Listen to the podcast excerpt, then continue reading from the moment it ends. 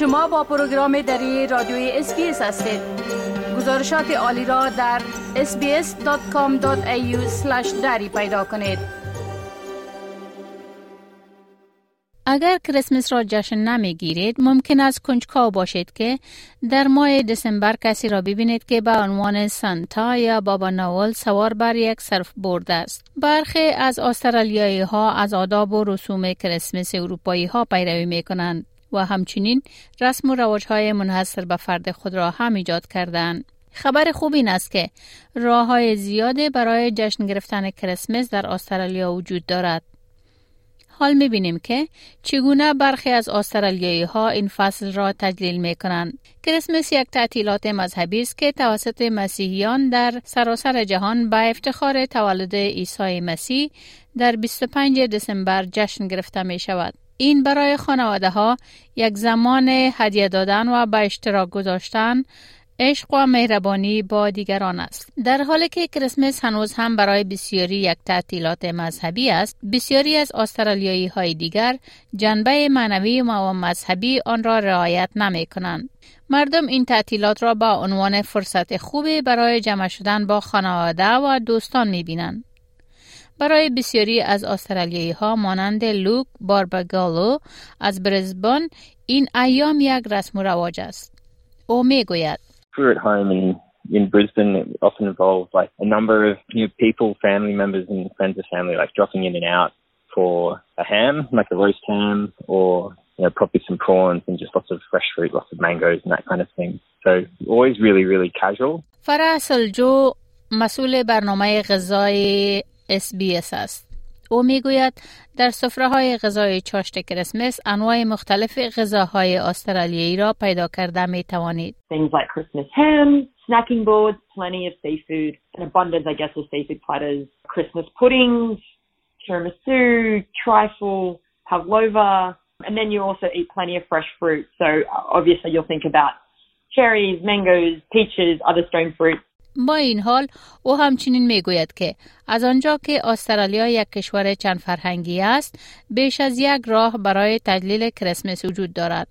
مانند آوردن رسم و رواج های غذایی مختلف به میز غذای چاشت کریسمس که این بسیار رایج است. You know, I would be open to having a Malaysian laksa on Christmas Day with like an abundance of seafood all the way to an ice cream cake or even something like panettone I would actually definitely do a panettone in like Serbia and in sort of more Balkan countries. They will do a seafood soup. پاملا لوپز اریاگا که در اصل مکزیکی است کریسمس را با خانواده شوهرش میگذراند او می‌گوید یک عضو مختلف خانواده هر ساله میزبان غذای چاشت است و هر کدام آنها یک ظرف غذای تهیه شده برای به اشتراک گذاشتن در این مهمانی می آورند.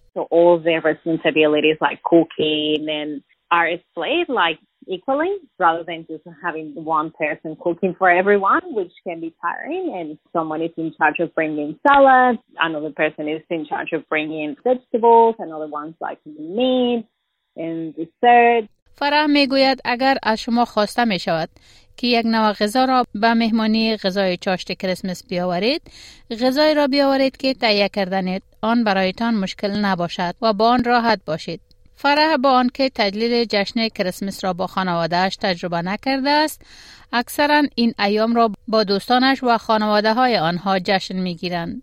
I would always sort of spend Christmas Day with either my really good girlfriends and their families, so like their Greek families or Italian families. So that was pretty um amazing and full of feasting. I would always sort of bring a dessert. So for me, I would always make a typical kind of Bosnian dessert. I usually do like a jam shortbread, um, kind of like a scone like shortbread, which um, is like basically like a scone dough, plum jam filled and then rolled in icing sugar.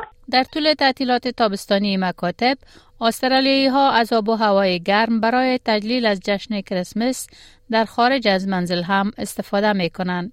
sometimes we, like this last year, we went to the park, which was amazing because obviously no one needed to like clean up, like, or host Christmas at their place. And I love that because it's like, it's summer, it's very casual, everyone is just like in a good mood.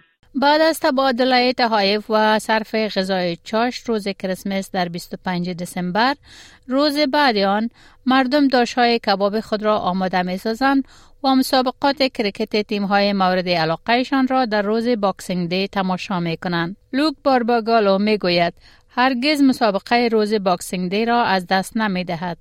Growing up, you know, all through the 90s and early 2000s, like Australia had a really dominant cricket team.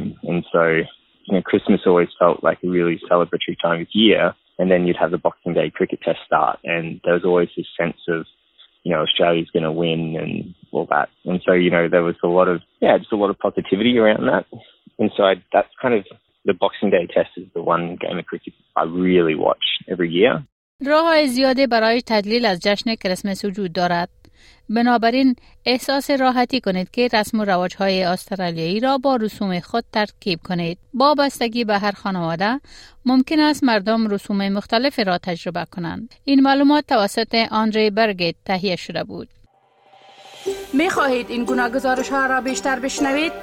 با این گزارشات از طریق Apple Podcast، Google Podcast، Spotify و یا هر جایی که پادکاستتان را می گیرید گوش دهید.